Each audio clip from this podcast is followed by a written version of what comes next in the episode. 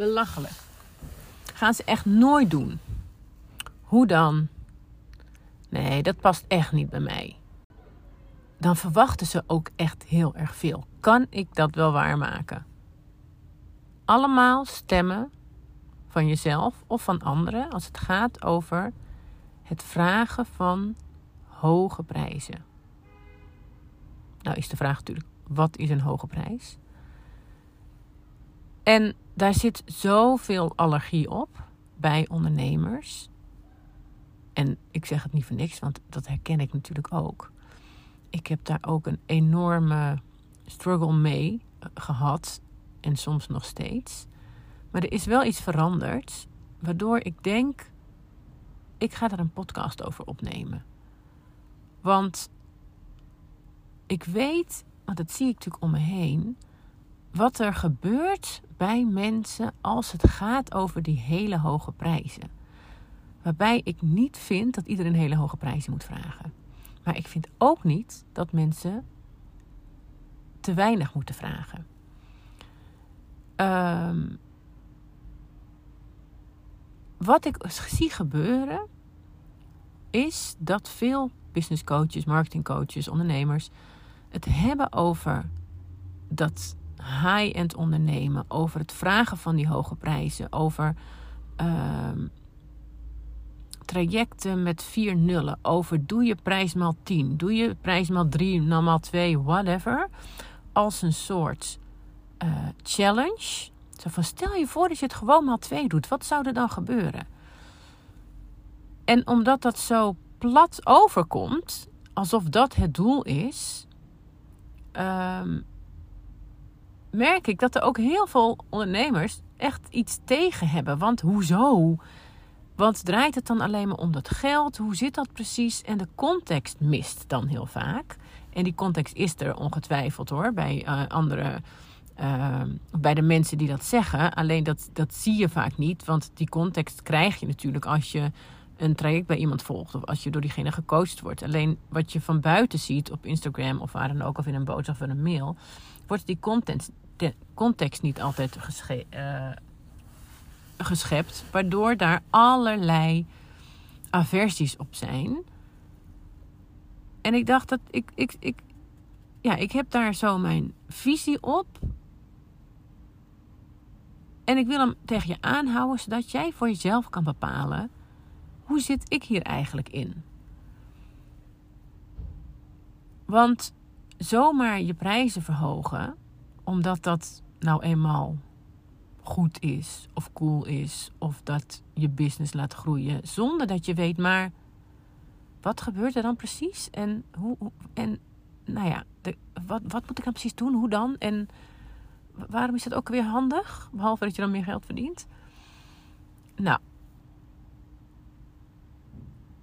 ik ben zeker geen voorstander van altijd maar je prijs maal 10, omdat het nou eenmaal de tendens is of, of cool is. Dat vind ik echt allemaal enorme onzin. Ehm, wat ik, als ik het dicht bij mezelf hou, en ik denk dat er superveel ondernemers zijn die dat ook hebben en herkennen. En dan is het wel een interessante vraag aan jezelf. Ik merkte dat ik ook een enorme uh, belemmering had op het überhaupt, hè, het noemen van prijzen, het bepalen van prijzen, zo ingewikkeld. Ik had allemaal stemmen die gevoed werden van buiten, maar ook stemmen van mezelf waren, die waarschijnlijk natuurlijk uiteindelijk ook gevoed zijn van buiten. Maar als iemand vroeg, dat was nog voordat ik trajecten uh, met een vaste prijs verkocht, uh, die heb ik nu ook. Maar dat was nog vooral in de tijd dat ik uh, maattrajecten leverde. En uh, daar dus een prijs voor moest bepalen. Dus een offerte voor moest maken. En die traject heb ik ook nog steeds. Maar daar is dus wat veranderd. En dat is zo interessant om te merken. Wat is daar nou precies anders gegaan? En hoe, wat heb ik erin gedaan? Dat ik denk dat is echt wel een goede om uh, eens je aan te houden. Want even terug naar, naar hoe het altijd ging.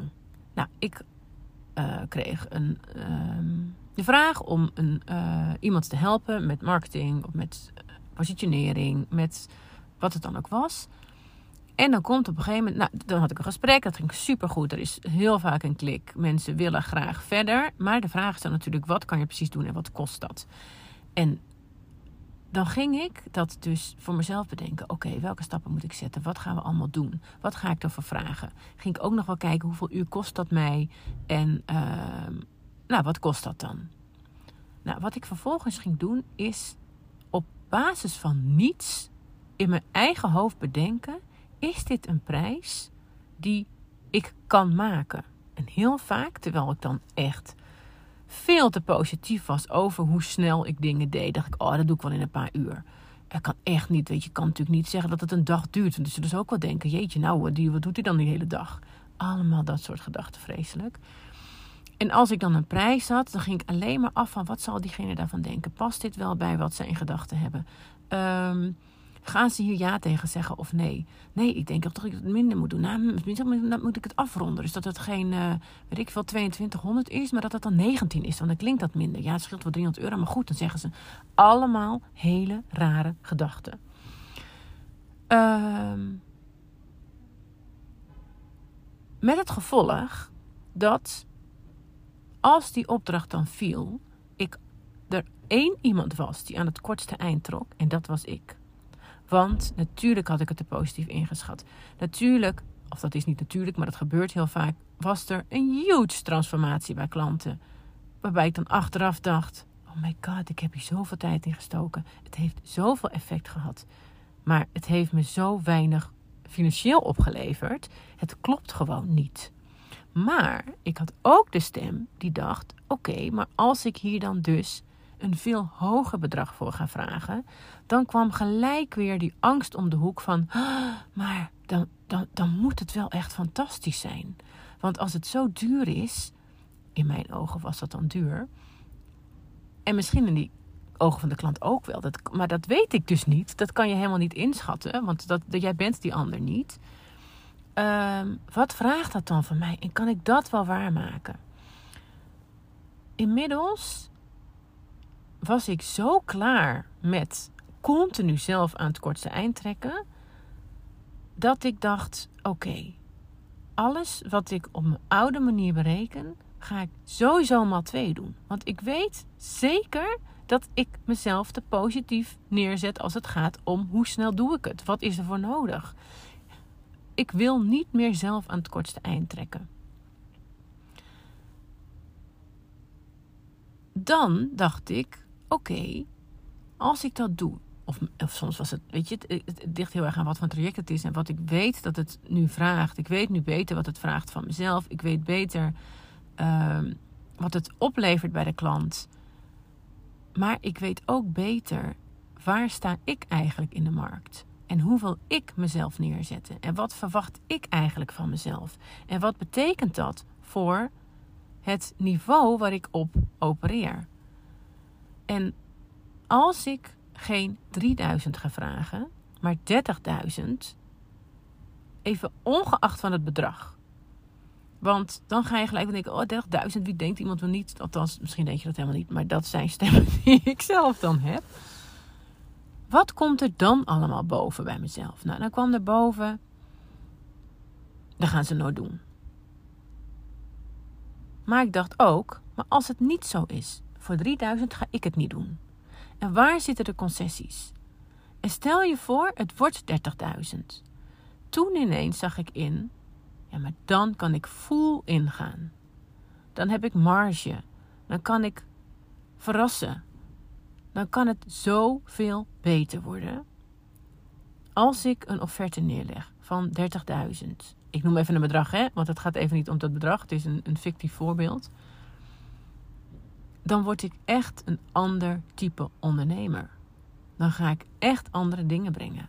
En wie wil ik zijn? Wil ik eigenlijk degene zijn die zijn dingetje doet en, uh, nou ja, een comfortabele prijs neerlegt en het op een comfortabele manier wil doen, wat helemaal prima is? Of wil ik eigenlijk dat verschil maken? En voor mezelf was het echt wel duidelijk. Dat is niet zo dat ik dat allemaal van tevoren bedacht heb. Het is meer zo dat ik, op, dat ik eerst ging denken van voor deze prijs ga ik het echt niet meer doen. Ik ben de enige die aan het korte eind trekt. Eigenlijk heeft de klanten ook niks aan. Want, wat ook heel vaak gebeurde... dan was het nog niet af. Maar ik vond het eigenlijk, voor wat ik ervoor kreeg, dan denk ik, ja, maar ik kan, weet je, nou vragen ze ook dit nog. Ik snap het, maar eigenlijk kan dat niet. Maar zo wil ik niet zijn, want ik wil alles kunnen geven. Ik wil ook dingen erbij kunnen bedenken omdat ik zie dat het nodig is, terwijl de klant het niet eens vraagt, omdat ik weet wat het kan brengen. Maar de energie is beter als je weet dat het, ja, dat het klopt. Dus de kern van mijn verhaal is, is dat we een soort aversie kunnen hebben tegen het uh, vragen van hoge prijzen. Dat het ook zeker niet is dat je altijd maar iedereen hele, voor sommige, in sommige ogen belachelijke hoge prijzen moet vragen. Maar dat de waarheid is dat je om allerlei stemmen in je hoofd eigenlijk veel te lage prijzen vraagt. Met alle gevolgen van dien.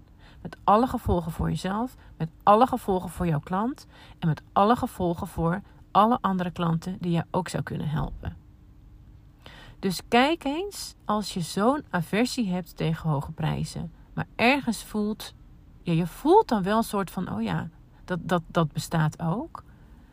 Ben je nu, want de aversie zit vaak op het oneerlijke van hoge bedragen en het uh, dat pochen en uh, jeetje, nou ja, slaat nergens op, belachelijk.